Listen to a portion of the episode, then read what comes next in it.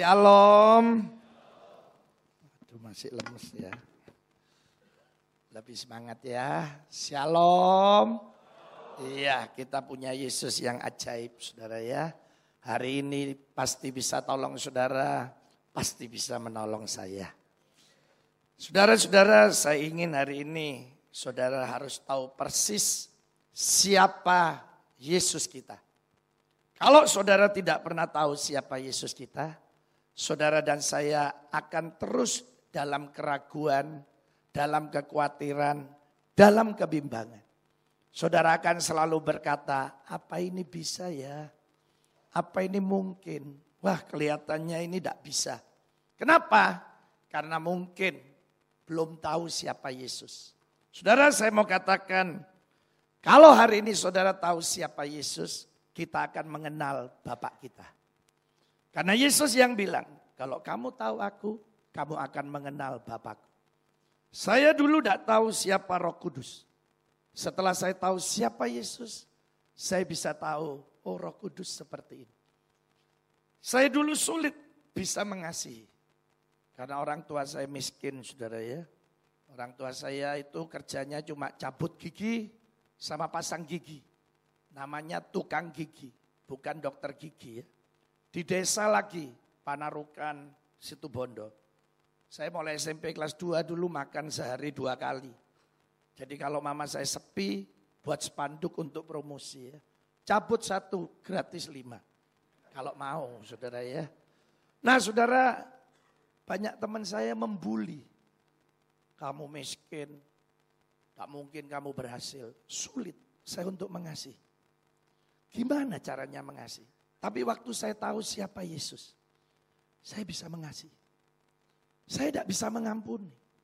Karena hidup hanya pahit. Pahit. Tapi waktu saya tahu siapa Yesus, saya bisa mengampuni. Dulu tidak tahu arti memberi. Gimana mau memberi? Hidup aja susah. Tapi setelah saya tahu siapa Yesus, saya bisa tahu arti memberi. Saya heran, ada banyak gereja justru menghilangkan nama Yesus. Saudara-saudara, Yesus yang tidak bersalah, tidak berdosa, dihajar, dipukul, disalibkan. Di kayu salib masih bilang begini, ampunilah mereka. Tidak bisa nangkap saya. Kalau saya tidak salah dipukul, disalib lagi. Mungkin saya bilang sama Tuhan, Tuhan dibakar bersama aja, mati bersama ya. Tapi Yesus tidak.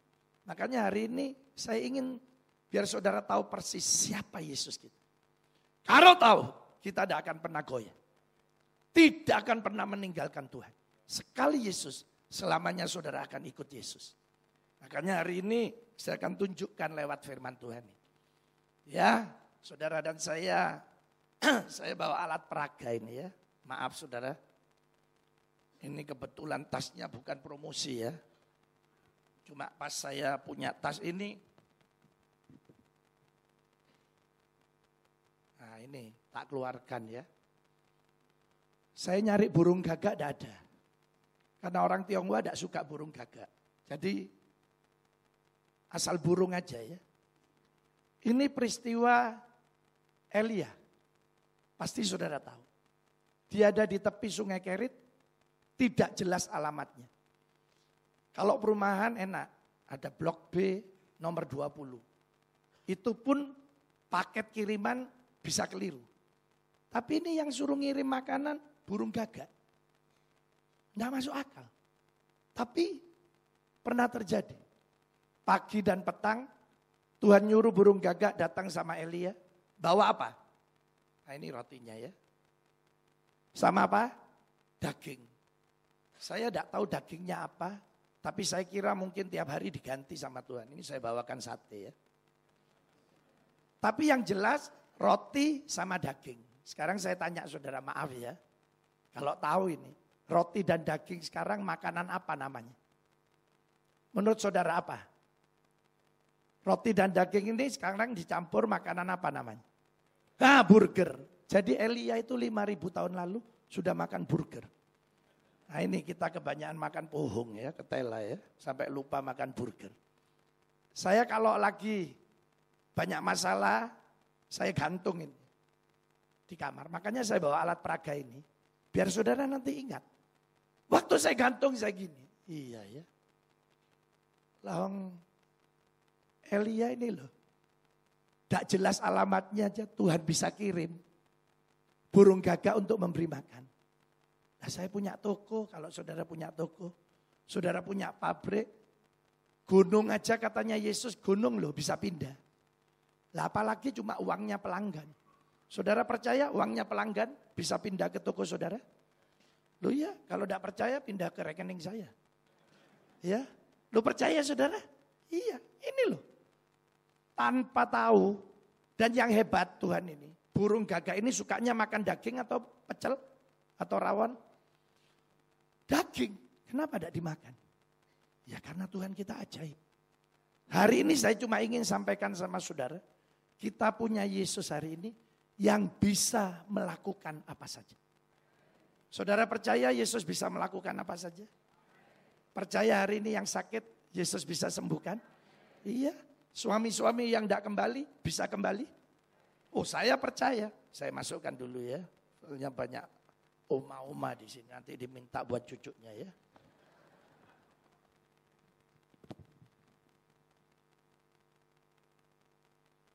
Saudara, saya cuma ingin masukkan di pikiran hati kita, oh saya punya Yesus yang bisa melakukan apa saja. Saya punya teman, teman baik sampai hari ini. Saya sering di rumahnya khotbah. Suaminya pernah hilang lima tahun. Jadi pagi jam sembilan lagi ngobrol di ruang tamu. Ada satu cewek bilang gini, Cik, tahu alamat ini Cik? Oh, dia keluar istrinya, keluar dulu ya. Itu ya gang itu, terus belok kanan. Sudah cari nomornya. Istrinya bilang gini, Pak, antar ini loh, ibu ini loh. Sudah jalan. Dilihat sama istrinya, terus, terus. Ya kanan. Sejak ke kanan itu, lima tahun tidak pernah kembali. Saya tahu istrinya kaya. Semua polisi aparat sudah diminta tolong tidak ditemukan. Oh, ini luar biasa. Hilang lima tahun. Terus istrinya tahun kelima bilang gini, Tuhan Yesus kasihan anak saya. Kalau memang suami saya meninggal, tunjukkan di mana. Kalau hidup, kembalikan. Saudara sore-sore suaminya bel rumah. Ting dong. Istrinya buka. Mah, masih ingat aku. Loh, kamu di mana pak? Sampai hari ini dia tidak pernah tahu. Saya kalau ketemu, saya khotbah, saya tanya, loh kamu di mana? Tidak pernah tahu. Seperti gelap. Kata istrinya, yang penting Yesus sudah mengembalikan. Makanya kalau ada suami hilang dua tahun, ya dibawa sama Wewe Gombel katanya ya. Istrinya selalu bilang apa? Jangan khawatir, saya lima tahun kembali, kamu cuma dua tahun. Pasti Tuhan kembalikan. Ya jadi kalau ada suami-suami, istri, ya yang tidak kembali pasti kembali. Kecuali sales ya, kembali sendiri. Saudara hari ini jangan takut. Teknologi boleh hebat. Tapi Yesus tetap lebih hebat dari teknologi. Saya mau tunjukkan ya perkembangan teknologi. Ini bagi yang usia 40 lebih. Yang belum 40 mungkin hanya lihat kecanggihannya saja. Saya mulai dulu. Dulu, mungkin yang ingat ini ya, kepala empat. Kita ngetik pakai 10 jari. Mereknya yang terkenal Brother. Di rumah saya masih ada. Anak saya yang kecil bilang gini, apa ini pak? Kok ada hurufnya A, B, C, D? Oh ini mesin ketik. Oh kuno ya katanya. Dia tidak pernah tahu. Keluarlah komputer pertama program Excel. Ya layarnya masih tabung. Hari ini semua sudah layar tipis. Maaf saudara, otak saya tidak bisa nangkap bagaimana orang bisa menemukan komputer ini. Saya tidak bisa. Gimana ya? Tidak bisa. Yang kedua ya, kita ke mana-mana dulu bawa kamera. Ada merek Fuji, Sony, ya Kodak. Kalau mau foto harus beli film. Isi 12, 24, Sama isi berapa yang ingat? Oh masih ingat, puji Tuhan ya. Itu kenangan. Habis foto, dikasih bonus berapa kadang? Setelah 36? Dua. Terus berputar ya, Rrrr, habis, harus dicuci. Orang beli album, masuk album. Hari ini sudah tidak ada lagi. Berikutnya, ada alat dulu dipasang di sabuk. Ya, sebesar ini tulisannya pagar. Orang bacanya apa? Pager. Titit, titit. Nanti malam bisa ketemu Pak Samuel. Saya harus lapor operator lagi. Bisa. Baru operator kirim. Hari ini sudah tidak ada. Keluarlah pertama kali handphone besar seperti handy talkie. Ada antennya lagi. Itu anjing lewat, kita lempar pasti mati anjing. Hari ini HP, handphone, telepon bisa kelihatan wajahnya. Saya sulit bisa menangkap. Gimana ini caranya? Saudara dulu orang mau keluar rumah beli makanan malam. Apa buka ya depot ini? Nanti kita sampai sana tutup. Takut lagi dirampok. Aduh malam nanti dirampok. Takut dibegal. Ada yang takut dimutilasi, dipotong-potong. Seperti tadi malam di alun-alun kota Malang, Jawa Timur. Namanya Marta, dimutilasi dipotong 16. Dipotong-potong, namanya martabak. Ya. Nah ini saudara ya, jangan bingung dulu. Hari ini saudara duduk di rumah, lihat TV, tinggal pencet aplikasi apa? nanti yang namanya GoPay, GoFood bisa datang kirim makanan saudara. Saya tidak bisa nangkap. Gimana caranya? Dulu kita nyanyi ibadah.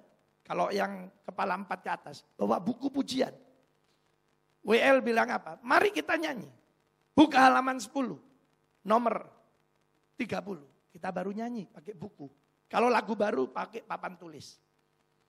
Keluarlah pertama, namanya OHP. Saya kaget, saya tulis di plastik, tulisannya bisa keluar di tembok. Kok bisa ya? Keluarlah LCD.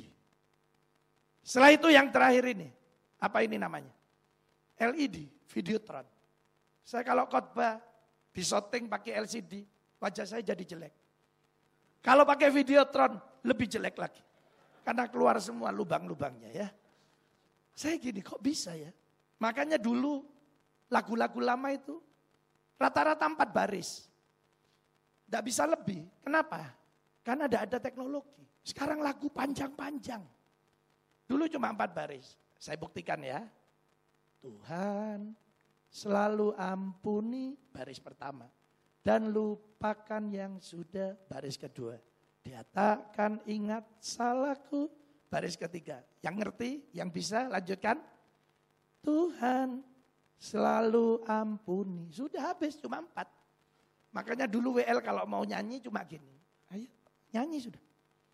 Kalau berhenti cuma gini. Oh berhenti. Stop. Sekarang enggak. Karena panjang. Belum mulai sudah gini. Kunci G. Oh, nanti gini. Gini. Gini. Gini. Waduh. Yang gini. Kadang dari belakang. Gini ya waduh. Saya kira, waduh sulit ya. iya, belum lagi divariasi. Ada WL dimarahi sama pemain musik. Karena waktu motong variasinya enggak pas. Lagunya, ya kau bukan Tuhan yang melihat rupa. Kau bukan Tuhan yang memandang harta. Rupanya mau diulang-ulang pakai kode gini. Kau bukan Tuhan. Kau bukan Tuhan. Kau bukan Tuhan. Terus katanya pemain musiknya, terus siapa kalau bukan Tuhan? Oh iya ya, nah ini motongnya enggak pas. Ada lagi kemarin, WL dimarahi sama jemaat. Karena motongnya enggak pas. Lagu terakhir kan kodenya gini. Kataku menyembahmu, ku menyembahmu, ku menyembahmu, ku menyembahmu. Enggak dipotong, ku menyem, ku menyem, ku menyem. Nah terus terakhir, mbahmu. Ya marah orang Jawa. Nah ini saudara. Ya ini perkembangan teknologi. Tapi hari ini, saya tunjukkan tadi, cuma burung gini aja. Kita sudah tidak bisa nangkep gimana caranya Tuhan. Jadi hari ini Yesus bisa melakukan apa saja. Jadi saudara hari ini jangan takut. Kita punya Yesus yang ajaib. Nah hari ini saya akan tunjukkan. Ini loh kehebatannya Yesus salah satunya. Mari kita baca ayat yang paling disukai jemaat ya. Ayat apa? Ayat terakhir. Nah ini sudah.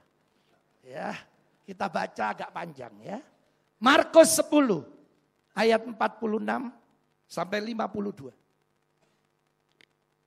Markus 10 ayat 46 sampai 52. Saya akan bahas per ayat supaya saudara tidak lupa ya. Kita mulai ayat 46. Lalu tibalah siapa? Yesus dan murid-muridnya di kota Yeriko. Jadi waktu datang di kota Yeriko, hanya Yesus dan murid-muridnya. Tidak ada penjelasan berapa lama. Tidak ada penjelasan apa yang Yesus lakukan di sana. Tapi saya percaya, Yesus pasti melakukan kegiatan rohani. Pasti ada banyak orang yang ditolong, disembuhkan, dan banyak mujizat lain. Saudara kota Yeriko ini salah satu kota tertua di dunia. Dan kota paling rendah di dunia. Ya, mungkin ada saudara yang sudah ke Israel. Nanti bulan depan saya bawa rombongan 80 orang. Ini yang ke-50 saya ke sana ya. Nanti kalau lebaran berangkat lagi yang ke-51. Saudara pasti dibawa ke kota Yeriko. Kalau saudara lagi di jalan, di base saya tunjukkan. Itu kota Yeriko. Pasti tangan saya begini. Kenapa? Karena kota ini ada di bawah. Jadi di bawah permukaan air laut. 300 meter. Jadi kalau saudara di kota Yeriko, telinga ini agak tidak enak ya. Karena di bawah. Di belahan bumi lain, sebenarnya bersama kita ada ikan hiu yang berenang. Ya, karena sangat rendah. Kota ini pernah dicatat di perjanjian lama. Ada tembok Yeriko yang dikelilingi oleh Yosua dan orang Israel. Berapa kali robot tembok ini dikelilingi? Ada yang tahu? Kalau tahu saya ajak ke Israel. Ya, kalau bisa jawab, saya ajak. Tapi tidak saya bayari ya, saya cuma ajak aja ya.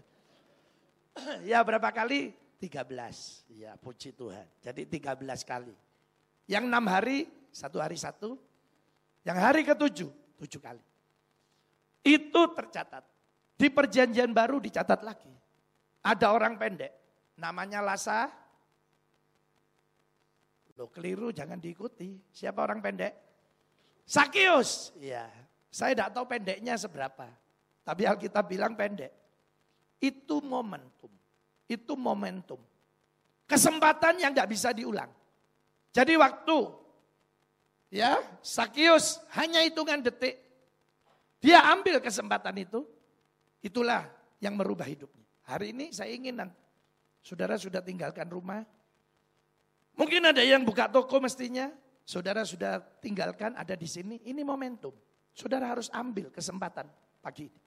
Itu Sakius hanya bilang Yesus gini. Turun. Aku mau mampir di rumah. Kalau Sakyus bilang, oh enggak, saya cuma mau lihat. Dia tidak akan pernah mengalami keajaiban Tuhan. Karena ada orang kaya masih muda. Sulit ketemu Yesus. Tapi pemuda ini bisa bicara berdua dengan Yesus. Itu malam-malam. Saya tidak tahu apa yang banyak dibicarakan. Yesus hanya bilang terakhir, jual semua hartamu. Jual, ini momentum. Pemuda ini tinggalkan Yesus dengan kecewa. Hilang momentum. Hari ini juga Bartimius nanti. Ini hanya kesempatan sekian detik, sekian menit. Saudara dan saya pun juga. Harus diambil kesempatan ini. Nah ini terjadi di kota Yeriko. Sekarang waktu keluar. Ketika Yesus keluar katanya, Yesus bersama murid-muridnya ketambahan apa? Orang banyak yang berbondong-bondong. Saya percaya di dalam orang banyak yang berbondong-bondong ini ada orang sakit yang sudah disembuhkan. Ada orang yang sudah mengalami mujizat. Ada yang belum masih ingin mengalami mujizat disembuhkan Tuhan. Mungkin yang ketiga, ada yang cuma ingin lihat seperti Sakius. Saya pengen tahu, ayo saya ikuti Yesus ini modelnya gimana. Ya seperti artis lah. Kapan hari saya khotbah di desa, di daerah ya. Sama Maria Sandi. Ini Maria Sandi penyanyi rohani yang terkenal. Saya percayalah gedungnya hanya muat 1500. Tapi tidak muat sampai luar. Banyak sekali. Saya gini, oh ini orang datang pasti ingin ketemu Maria Sandi. Jadi saya khotbah cuma 30 menit. Tidak ada yang tepuk tangan, tidak ada. 30 menit tidak ada yang tepuk tangan. Begitu WL-nya bilang, yang kita tunggu, belum selesai nih, baru ngomong tunggu-tunggu. Yang kita tunggu, wah gitu. Berarti berharap Maria Sandi semua. Begitu Maria Sandi maju, wah ditepuk tangan terus. Nyanyi loh dua lagu, saya sampai menit nih. 15 menit, ditepuk tangan terus. Saya lo 30 menit, tidak ada yang tepuk tangan. Saya gini, oh orang memang nunggu Maria Sandi. Begitu saya suruh doa berkat, amin. Langsung orang berdiri, semua manggil-manggil. Maria, Maria, foto ya, foto, foto. Saya langsung bilang gini, saya ini. Tidak ada yang foto sama saya ya. Enggak pak. Awas kamu ya, saya belum terkenal kamu. Enggak, enak sama Maria Sandi. Bapak kan Mario Sandal katanya. awas kamu. ya kira-kira lah. Gambaran saya seperti itu. Yesus ke mana? Seperti artis. Banyak orang yang mengikuti. Nah, di tengah-tengah orang banyak itu, ya katanya ada seorang apa? Pengemis. Satu. Jadi ada pengemis. Kalau saya bicara pengemis, bukan orang miskin saja. Pengemis belum tentu miskin. Ada orang kaya yang harus jadi pengemis. Tapi saya mau bilang, pengemis secara rohani, orang yang perlu dikasihan. Orang yang ingin ditolong, itu pengemis. Saudara hari ini, mungkin saudara termasuk saya hari ini, lagi mengalami seperti seorang pengemis. Secara jasmani, oh kita berlimpah-limpah. Tapi sebenarnya secara rohani. Hati kita menjerit, Tuhan tolong. Tuhan tolong. Seperti seorang pengemis. Saudara-saudara di Surabaya ada seorang ibu telepon saya. Pak, ke rumah ya. Doakan keluarga saya. Oh iya. Alamannya di mana? Jalan ini. Oh saya kaget. Rumahnya itu dari jalan sini, tembus jalan sini. Mungkin ya hitungan saya 110 meter. Besar. Saya masuk, wah, kaget. Mobil mewahnya berderet-deret. Terus saya bilang, oh Cik, oh saya pernah ketemu Taci ya. Iya. Pak Sam doakan keluarga saya. Iya. Anaknya berapa Cik? Tiga. Saya mau ke toilet dulu Cik. Oh iya. Di toilet keluarga aja. Ini Pak. Saya masuk, saya lihat tekelnya, saya lihat atas, saya hitung-hitung, saya ukur kok besar ya toilet ini. Kira-kira 8 kali 7 meter. Apartemen saya loh 6 kali 5. Saya gini, ini menghina saya ini. Masa toiletnya lebih besar dari apartemen saya. Saudara, saya gini, ini kok isinya seperti kamar. Maaf saudara, ada jacuzzi itu ya. Mandi, blok, blok, blok, blok, blok gitu ya. Ada tempat pijit, keramas, salon, ada ruang Kursi duduk-duduk. Klosetnya di sini. Kerannya saya lihat. Oh, kok warna emas ya. Waktu saya keluar saya bilang, Cik, kok kerannya warnanya emas? Oh ya itu emas pak. Dalam hati saya tahu gitu saya patahin tadi saudara. Tapi kan saya dipanggil pendeta pencuri nanti ya. Terus nangis. Loh, kenapa Cik? Suami saya sudah tiga hari tidak kembali pak. Ini saya bersama papa mama saya. Makanya Pak Samuel saya minta tolong doakan. Saya seperti hidup di neraka ini Pak. Saya kaget waktu bilang seperti hidup di neraka. Lah rumah kayak gitu seperti hidup di neraka.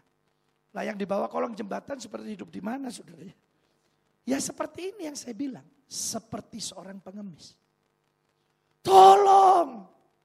Mungkin ada saudara hari ini istri-istri tolong Tuhan. Tolong suami saya. Mungkin suami, Tuhan tolong istri saya, tolong anak saya, tolong orang tua saya. Hari ini saya mau katakan, Yesus akan menolong saudara dan saya. Mungkin hari-hari ke depan kita seperti seorang pengemis. Tidak apa-apa. Karena ada Yesus yang bisa menolong. Ini Alkitab yang catat. Yang kedua katanya Bartimius ini apa? Buta. Kalau saya bilang buta, itu identik dengan kegelapan. Maaf ya, biar saudara ingat. Coba saudara pejamkan mata. Maaf ya, coba orang Jawa bilang merem. Ayo pejamkan mata ya. Saya megang apa? Ada yang tahu? Tuh, itu berarti kelihatan kalau megang aqua ya. Kalau saudara tutup mata pasti tidak kelihatan apa-apa. Saudara buta bicara kegelapan. Buta ini bicara apa? Yang pertama, tidak tahu lagi membedakan yang baik dan yang jahat. Tidak tahu. Ini uangnya Tuhan, uangnya perusahaan, uangnya pribadi tidak tahu. Sikat semua. Tidak tahu lagi ini jemurannya tetangga apa jemurannya sendiri. Tidak tahu. Ini istrinya orang, istrinya sendiri tidak tahu. Kamarnya tetangga, kamar pribadi tidak tahu. Karena gelap. Saudara hari ini tidak bisa bedakan yang baik dan yang jahat. Bicara gelap, bicara apa juga? Bicara gelap, bicara tidak lagi mengalami pertolongan Tuhan. Yang ada cuma teriak. Mana katanya Tuhan bisa tolong? Gak usah gereja sudah. Saya tidak ditolong. Nah ini seperti orang buta. Saya mau katakan hari ini. Allah kalau buka mata rohani saudara. Saudara akan lihat keajaiban Tuhan. Jadi hari ini, hari ini mungkin ada saudara yang tidak mengalami keajaiban Tuhan. Jadi orang buta identik dengan kegelapan. Ke mana-mana orang buta bawa apa biasanya? Tongkat. Sama pakai apa? Kacamata. Aneh ya, padahal buta. Kok bisa pakai kacamata? Supaya apa? Tidak kelihatan buta. Nah ini supaya saudara ingat, saya bawakan alat peraga. Ya, nah ini saya pakai ya. Oh terbalik. Oh ya karena saya buta. Nah ini ya. Awas kalau bilang bubuhu ya. Ini bukan bubuhu, ini engkongnya bubuhu ya. Kenapa saya pakai ini? Nanti saudara akan ingat. Satu waktu, oh, saya kok sudah tidak ngalami lagi ya. Hadirat Tuhan ya. Saya kok tidak ngalami lagi ya pertolongan Tuhan. Apa saya ini seperti orang buta? Saudara ingat, Yesus masih bisa mencelikkan mata rohani. Yang paling berat dari Bartimius di ayat 46 ini. Dia duduk di pinggir jalan. Ini yang paling berat. Saudara Yesus bilang di Yohanes 14 ayat 6. Akulah apa? Jalan. Kebenaran dan apa? Hidup. Berarti Bartimius di luar jalan dari Tuhan. Dia di pinggir jalan. Artinya apa? tidak ada di jalur keselamatan. Dia di luar keselamatan. Saya berharap dari khotbah ini, saudara yang selingkuh-selingkuh hari ini harus berhenti. Supaya saudara jangan ada di luar keselamatan ini. Tapi saudara harus kembali di jalannya Tuhan. Hari ini yang suka ngemplang katanya orang Jawa. Tidak mau bayar utang. Harus bayar. Kenapa? Saudara jangan ada di luar jalurnya Tuhan. Hari ini Tuhan akan pindahkan nanti. Kita ada di jalan keselamatan itu. Ini yang dialami oleh Bartimius. Tadi satu seperti seorang pengemis. Dua seperti orang buta. Tidak mengalami lagi keajaiban Tuhan. Yang terakhir malah di pinggir jalan. Tapi hari ini nanti Yesus akan celikkan mata rohani kita. Kita akan mengalami keajaiban Tuhan. Gimana caranya? Ayat 47. Ini cara yang pertama. Katanya ayat 47 ketika didengarnya. Bahwa itu adalah siapa? Yesus orang Nazaret. Mulailah ia berseru. Yesus anak Daud kasihanilah aku. Ketika didengar. Jadi yang pertama semua pertolongan Tuhan Yesus datang lewat firman Tuhan. Semua pertolongan Tuhan. Kalau tidak ada pemberitaan firman Tuhan, saudara harus cek apa benar ini dari Tuhan. Oh sekarang banyak ajaran sudah. Ya teman saya kemarin baru cerita. Datang ke rumahnya bawa tas kresek. Lo rumahmu banyak setan. Ini pendeta. Ditangkep bis. Ini di atas kulkas. Di atas lemari. Dimasukkan kresek setan. Sudah penuh katanya diikat. Dikasihkan teman saya. Ini buang di tempat sampah. Teman saya ikut aja. Waktu bawa gini kata teman saya. Masa setan kalah sama tas kresek? Terus dia telepon saya di kamarnya. Pak Sam ini ada pendeta. Apa benar ini? Saya bilang pasti tidak benar. Loh iya saudara. Mana ada ajaran seperti ini. Ada lagi sekarang tujuh orang. Ke mana-mana. Pendeta di Surabaya. Dia naik motor. Yaitu untuk membersihkan rumah-rumah. Siapa yang mau? Ada yang tiba-tiba naik di atas genteng.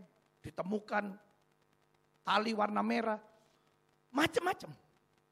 Saya cuma mau bilang sama saudara. Saudara hari ini semua dikasih kuasa oleh Tuhan. Yaitu dalam nama siapa? Tuhan Yesus Kristus. Sebenarnya saudara dan saya semuanya. Nanti ada saatnya 24 jam kita tidak bisa ngubungin siapa aja. Tapi Yesus 24 jam kita bisa menghubunginya. Di mana aja. Jadi hari ini saya mau sampaikan. Saudara dan saya ada Yesus dalam hidup kita. Dengar firman. Kenapa?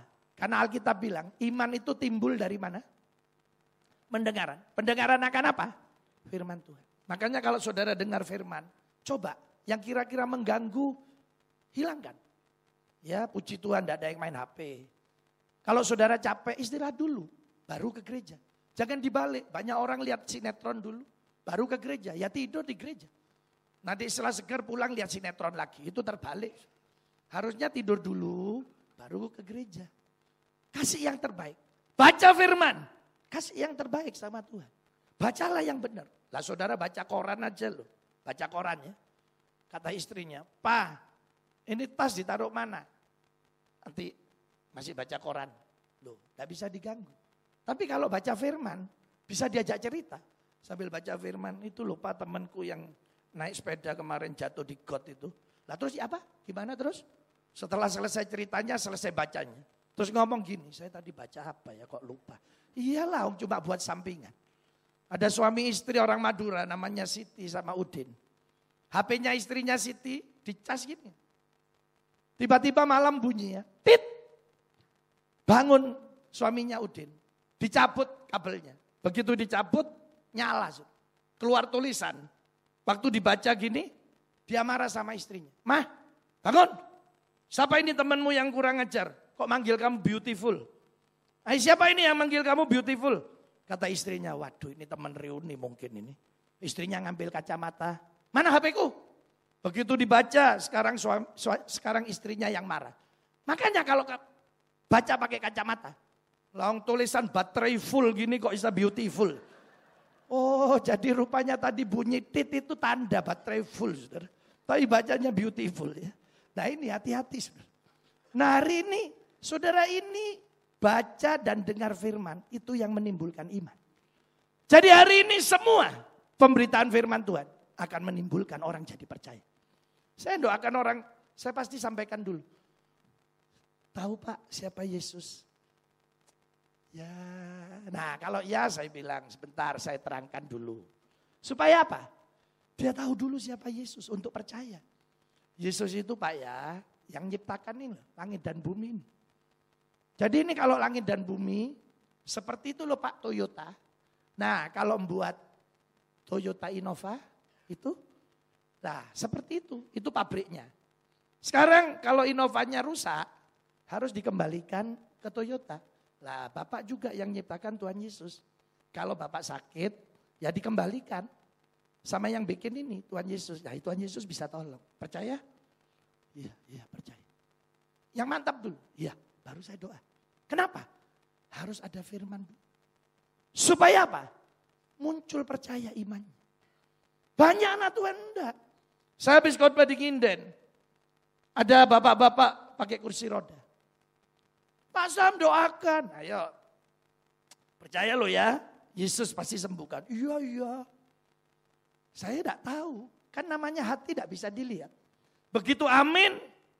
Sama lah semua pendeta pasti akan bilang sama dengan yang saya katakan. Terus Pak ya percaya ya. Yesus sembuhkannya. Dia bilang apa? Tapi katanya dokter tidak bisa Pak. Coba gimana saudara? Katanya dokter tidak bisa sembuh. Lah saya buat apa doain dia?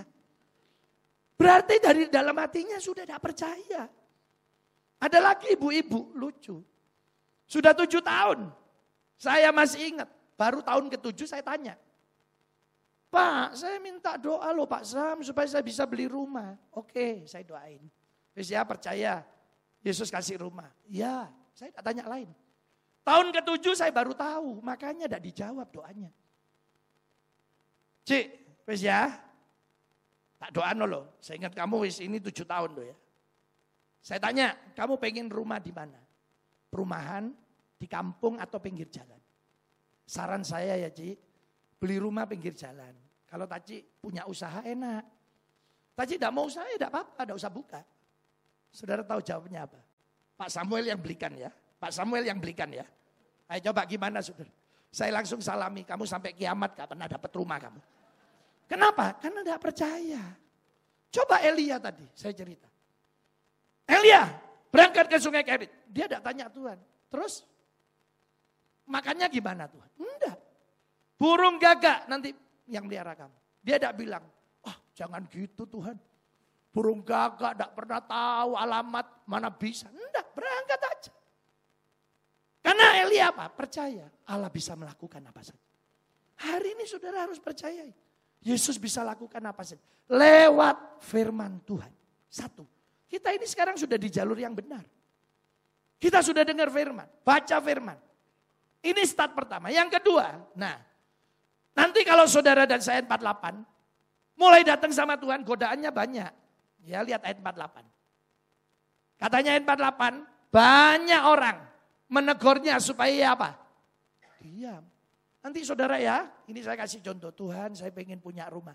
Oh saya percaya, Tuhan kasih saya rumah. Nanti pasti ada yang bilang, termasuk di pikiran kita. Uangnya siapa? Siapa yang mau ngasih kamu rumah? Oh iya ya, tak mungkin. Banyak. Banyak nanti godaannya. Jangan goyah. Ini yang kedua namanya apa? Fokus sama Yesus. Kalau yang pertama saudara sudah dengar firman muncul iman. Sekarang fokus sama Yesus. Oh banyak godaannya. Jangan lepas dari fokus kepada Yesus. Tetap di pikiran hati saudara. Yesus pasti bisa tolong saya. Pasti Yesus bisa tolong. Buktinya Bartimius. Masa kalah sama Bartimius?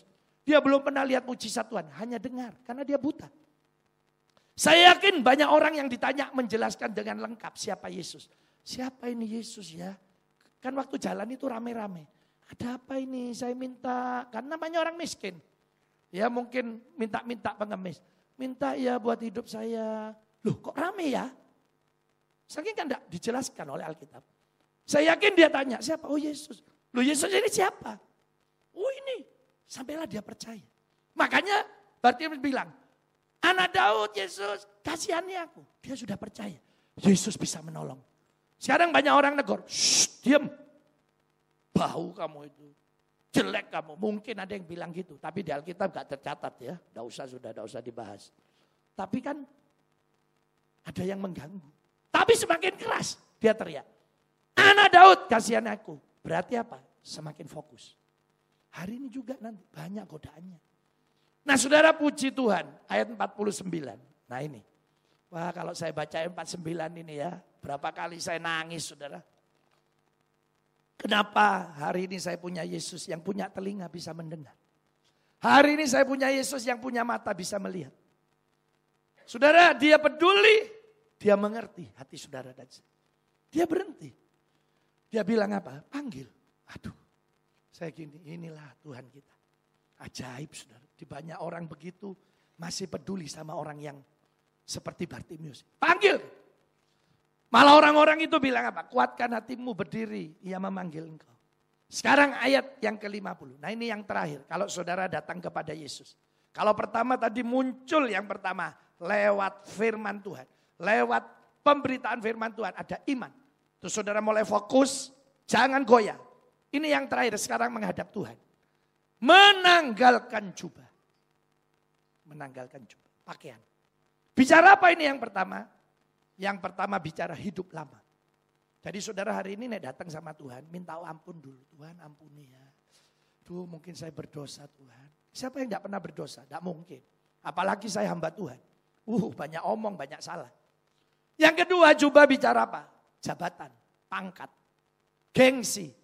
Saya bisa tahu seseorang dari pakaiannya.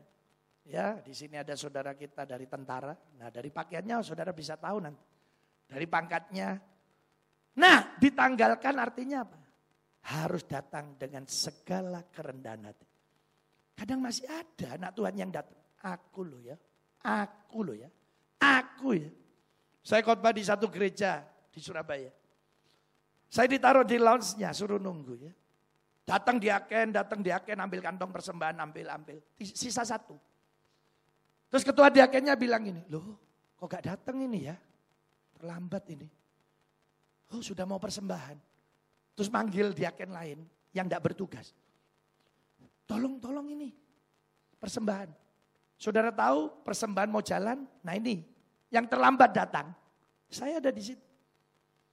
Loh, mana kantong persembahan saya? Ketua diakennya, maaf loh pak, saya pikir tidak datang, bapak terlambat. Langsung jasnya dibuka. Dibuanteng di meja. Belum tahu saya ya. Lihat ya, tidak ada saya gereja ini, pasti roboh gereja ini. Terus dia ambil jasnya, keluar, pulang. Takut semua. Terus saya tanya, loh siapa ini? Oh ini orang kaya pak. Ini yang membiayai gereja kita. Oh kerjanya bulldozer ya? Oh enggak pak, loh katanya mau robohkan gereja. Saya bilang, tidak usah takut. Yesus kaya. Yesus butuh uang saudara. Tapi saudara tidak bisa mengatur Yesus. Dia kaya. Loh, saya bilang ini Jubahnya belum dilepas ini. Ini masih hebat-hebatan dalam dirinya. Tidak boleh. Tidak bisa. Harus datang dengan kerendahan. Hari ini kalau saudara mau datang, datanglah dengan kerendahan. Yesus senang. Buktinya sekarang ayat 51. Sekarang Yesus yang tanya, katanya ayat 51. Apakah yang kau kehendaki supaya aku perbuat bagimu? Ya, saya tidak tahu kalau bahasa Tasik. Bahasa Sundanya apa ini? Kalau bahasa Jawa ya. Lu minta apa? Gitu ya. Kamu minta apa? Awakmu jaluk opo? Ini bahasa Jawa Timur. Tidak tahu kalau bahasa Sunda pakai bahasa apa ya? Tidak tahu ya. Saya tahunya cuma saha eta itu aja. Sudah jangan panjang lagi, tidak bisa sudah ya. Nah saudara, Yesus tanya, kamu minta apa? Ini pertanyaan aneh. Kalau saya ada di sana, mungkin saya bisi Tuhan Yesus. Loh Tuhan, dia kan buta, pasti minta melihat. Mungkin Yesus ganggu saya ya. Shh, diam. Siapa tahu dia minta kawin. Loh ya kan, minta rumah, minta makan. Tapi waktu dia bilang apa? Guru, Rabuni. Supaya saya dapat melihat. Jadi saudara hari ini Yesus terbuka. Saudara minta apa bisa? Yesus ingin apa yang kita butuhkan, sampaikan. Kalau kita bisa sampaikan, Katanya Yesus ayat terakhir 52. Yesus lihat iman saudara. Hari ini dilihat imannya ini. Pergilah iman. Tadi itu loh imannya dia. Habis dengar firman. Dia percaya Yesus bisa tolong. Diganggu, diam, diam. Dia tetap berteriak tambah keras. Yesus anak Daud kasihani aku, tolong aku. Bahasa sederhananya. Berarti dia tetap percaya. Yesus bisa menolong. Ini yang dilihat oleh Tuhan. Hari ini juga Yesus lihat hati saudara. Saya tidak bisa lihat. Tapi Yesus bisa lihat. Hanya yang percaya Yesus bisa tolong. Yesus akan menolong saudara dan saya. Ini buktinya. Saat itulah melihatlah Bartimius. Sekarang kalau tadi di pinggir jalan, sekarang Bartimius ada di mana? Di jalannya Yesus. Sudah ada di pinggir jalan lagi. Dia ada di jalan itu. Saudara hari ini ada saudara yang menghadapi kasus seperti Bartimius. Iya Pak saya butuh pertolongan Tuhan. Saya seperti orang buta ada alami keajaiban Tuhan. Saya malah sudah di luar jalur keselamatan. Jangan takut. Yesus sangat baik. Dia bisa tolong saudara dan saya. Mungkin kita seperti ada di perempatan jalan. Tahun 90 saya sering saksikan. Saya nikah sama istri saya. Bulan Juli. Akhir tahun 91, satu setengah tahun kemudian. Sebelas dokter kandungan, semua bilang, istri saya tidak bisa hamil. Profesor Dr. Harsono di Surabaya terkenal ahli darah. Dia bilang, ibu jangan menangis ya. Kamu kalau orang di dunia ini ada namanya lotre, undian. Ibu ini tidak bagus undiannya, katanya ya. Mungkin dari 4 miliar wanita, hanya tiga yang berpenyakit seperti ibu. Istri saya kena penyakit G6PD, bahasa Inggrisnya G6PD. Jadi darah merahnya itu rapuh. Bukan dimakan darah putih itu leukemia. Ini rapuh, habis sendiri. Jadi tidak bisa punya anak ya. Nangis istri saya, tidak ngomong. Di rumah diam terus. Januari 92. Pagi-pagi dia nangis habis doa. Pak, aku kok dapat ayat Markus 9 ayat 23b. Tidak ada yang mustahil bagi orang yang percaya. Berarti aku bisa hamil. Masa saya suaminya ngomong, oh tidak bisa, tidak bisa, tidak mungkin. Ya percayalah, Tuhan kasih. Itu Januari. Februari puji Tuhan, istri saya hamil. Akhir 92 lahirlah perempuan. Wah senang, istri saya biasa ikut saya ke pabrik. Pak aku tidak ke pabrik ya, aku rawat anak ini. Dia susui sendiri, dirawat sendiri, perempuan. Kemudian karena sakit, saya taruh di rumah sakit RKZ lima hari meninggal. Itu 92. 94 hamil lagi istri saya. Lahirlah perempuan. Wah senang istri saya dirawat sendiri di rumah. Tapi karena sakit, akhirnya saya taruh di ICU RKZ Malang. Tujuh hari meninggal. 95, wah senang karena dapat laki. Meninggal juga. Jadi seperti di perempatan jalan saya. Lanjut, oh, nanti mati lagi, meninggal lagi gimana? Saya mau belok kanan kiri ngambil anak. Iya kalau istri saya mau. Atau sudahlah, tidak usah punya anak. Seperti orang bingung. Kata istri saya, kamu mikir apa? Loh kelanjutannya ini loh gimana? Mamamu bilang suruh ngambil anak. Mamaku bilang ngambil anak, kasihan kamu. Istri saya bilang apa? Oh enggak, aku udah ikut orang lain, aku ikut Tuhan Yesus. Tidak ada yang mustahil bagi orang yang percaya. Saya lo malah bilang, lo sudah mati tiga lo. Gak apa-apa. Saya punya prinsip saya punya keinginan sendiri. Saya tanya, apa keinginanmu? Keinginanku ya, hamil terus. Wah bahasa Jawa ya, meteng terus saudara ya. Maju tak gentar ya. Wah istri saya jago hamil saudara ya. Ya ini terus saya jadi hamba Tuhan. Saudara. Saya dulu pengusaha ya. Pegawai saya hampir 800 orang. Ada pabrik saya juga di Kalimantan. Ya mana bisa khotbah, ya tidak bisa. Tuhan itu baik. Akhirnya saya bilang, Tuhan saya mau doa puasa tiga hari, tiga malam ya. Nanti kalau punya anak hidup lagi saya jadi pendeta ya. Puji Tuhan saudara ya. Tahun 96 lahirlah anak saya nomor empat laki ya. Saya kasih nama Yoel Sianto. Ya, sudah lulus di Singapura. Sekarang jadi hamba Tuhan. Saya suruh kembali bantu saya di Malang. Ya, kapan itu dia baru KKR di Kamboja. Nah ini mau ke Rumania sama Myanmar. Saya bilang berangkat kok kamu masih muda. Begitu hamil istri saya senang ya. Ayo pak, sikat lagi pak. Wah ya lahirlah nomor lima perempuan ya. Puji Tuhan hidup saudara. Ya ini bulan depan sudah lima tahun di Sydney di wisuda. Begitu hidup istri saya senang ya. Ayo pak, hajar lagi pak. Ya puji Tuhan lahir nomor enam. Ya saya kasih nama Belin. Mulai umur 16 dia minta di New Zealand. Saya tidak punya teman, family, keluarga, tidak ada. Perempuan lagi. Dia berangkat sendiri. Ya masih umur 16. Puji Tuhan, sudah lulus. Nah ini lagi kerja di sana di kontrak tiga tahun. Begitu hidup, wah istri saya senang. Ayo pak, hajar lagi. Katanya dokter sudah tua, berhenti ya. Ya berhenti sudah. Oh kalau enggak jadi peternakan. Ya. Iya karena istri saya anak nomor 17.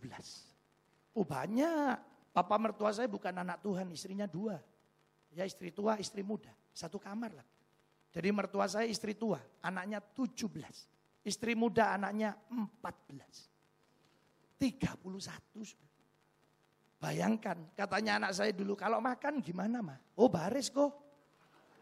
Makan lo baris. Kokonya mama paling besar di depan.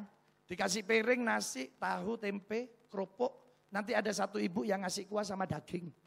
Itu selama antri kok. Tidak boleh tolak-tolak kok. Tidak boleh tolak tolak tidak boleh. Kenapa mah? Kalau tempenya hilang, udah makan katanya saudara. Aduh susah ya. Jadi saudara, saya tidak takut hari ini. Kenapa? Lah anak aja Tuhan kembalikan. Kalau cuma soal hidup, pastilah Tuhan pelihara. Saya lo sudah tidak punya usaha lain. Saya hanya melayani Tuhan. Tiga anak saya sekolah di luar negeri. Orang tanya, gimana caranya bayar? Tidak tahu. Saya tidak pernah tahu.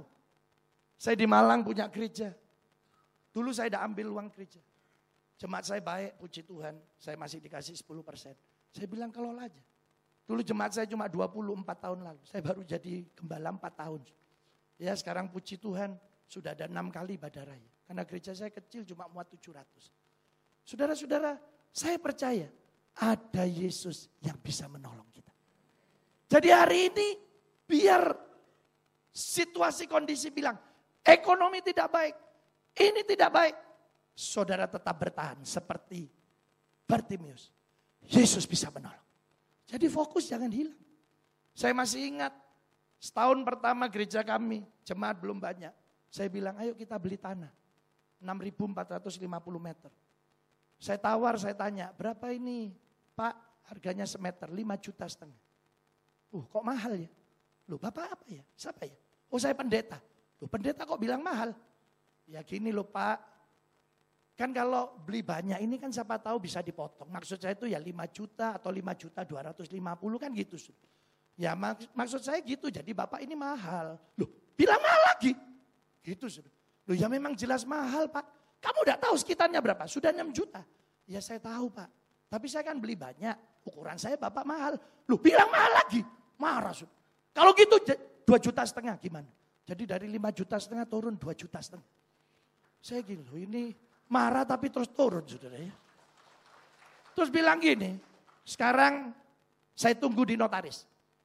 Kasih uang 2 juta, 200 juta. Kalau kamu memang niat taruh 200 juta, tanda tangan 2 juta setengah satu meter. Loh ayo, saya bilang. Saya telepon bendahara, kirim tanda tangan. Berapa hari kemudian istrinya yang ngurus karena dia ke Amerika. Kata istrinya, 5 juta setengah ya Pak? Loh enggak, enggak Bu, dua setengah. Loh enggak bisa.